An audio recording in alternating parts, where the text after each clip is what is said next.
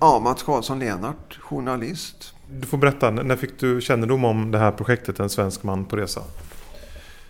Det var när jag satt på en bar eh, i, på ett hotell i Bergen i Norge strax före jul. Då läste jag på Facebook, var det väl, om det här projektet som eh, du hade satt igång med då.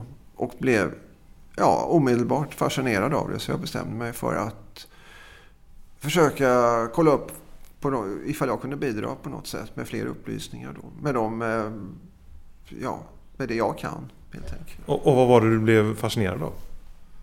Det var väl det här, alla de här banden och de här spridda skurarna som fanns i uppgiftsväg då om den här mannen. Att det fanns så många luckor och att du behövde fylla igen eh, några av dem eller kanske så många som möjligt.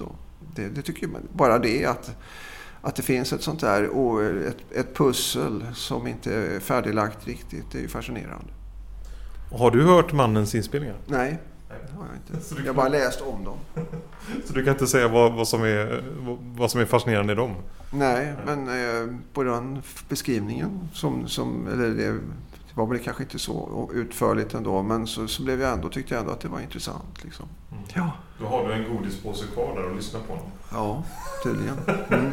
Nej, men jag kittlas av den här typen av material, även om jag kanske inte... Eh, ja, jag har alltid gjort det.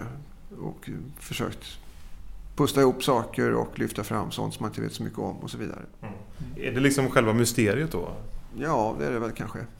Det är det väl. Att försöka skaffa fram mer kunskap eller andra vinklar och versioner på sånt som man kanske redan vet om i och för sig. Men som ja, man vill gärna kolla upp en gång till om det verkligen var så. Ehm, och du började ju då söka efter Herberts eh, släktingar. Ehm, för de som inte vet något om, om släktforskning, berätta, hur gör man?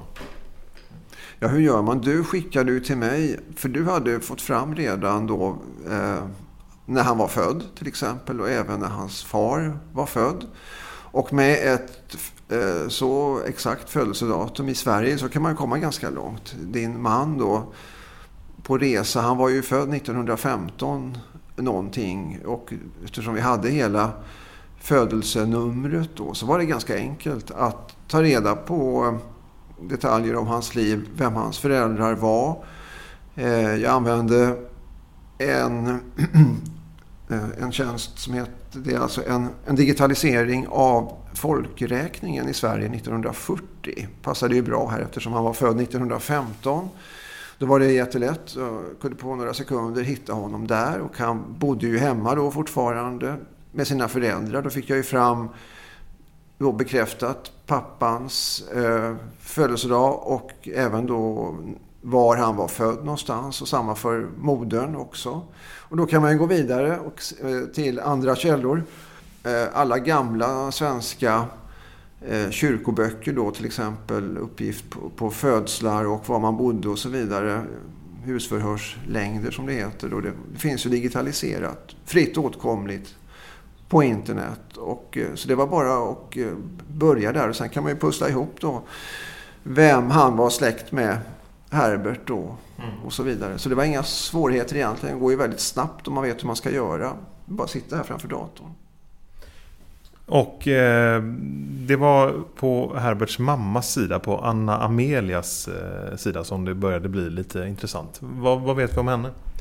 Anna Emilia då, hon var född eh, i en familj i Längjum som är en kyrksocken uppe på Varaslätten i Västergötland. Och eh, jag fick en bild av hela den här familjen genast genom att gå in i folkräkningen 1880 eller 90. Där man då ser alla familjer i Sverige. Eh, alla när de är födda och vilka som bor ihop och så vidare, var de bodde. Och då var det ju framförallt Anna Emilias syskon då som var intressanta eftersom eh, då deras efterlevande var ju Herberts släktingar, hans kusiner helt enkelt. Det vore ju intressant då eftersom du hade en ledtråd här i, i de spridda skurarna som fanns att det var någonting med Holm kyrka i Dalsland så ville man gärna hitta en koppling dit. Och det gjorde jag också på eh, det syskon till Emilia som heter eh, Ernst Robert Andersson. Som bodde, som då flyttade till Mellerud någon gång när han var ung. Ifrån detta Längium då utanför Vara. Och där han var trätoffelfabrikör faktiskt. Ehm, så där hade vi den kopplingen helt mm. enkelt. Och via de här ganska många syskonen då till eh, Herberts mor, Anna Emilia, så, lyckas, så, ja, så söker man sig helt enkelt framåt i tiden igen. Vem, vilka barn hade syskonen? Vilka barnbarn hade de?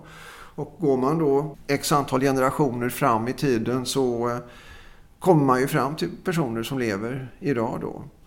Och eh, en av dem var ju då Anders Nilsson eh, i Kvänum som idag är någonstans kring 85 drygt, om jag minns rätt.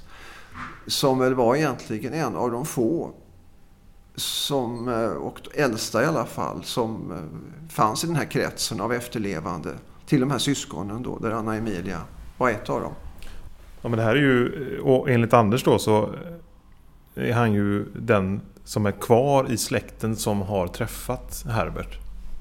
Ja, du har ju tagit reda på det. Så att eh, det är ju fascinerande att, att, det, att vi fick tag på honom helt enkelt. Mm. Bra. Vad, vad, tänkte du när, när jag berättade att, eh, att Anders kunde bekräfta detta? Ja, det var ju jätteroligt såklart. Och, eh, man hoppades väl på det att någon av de här personerna som fortfarande finns då skulle kunna ha någonting att berätta om Herbert. Så det var ju fantastiskt då att höra att han hade det, Anders Nilsson. Mm. Det tycker jag.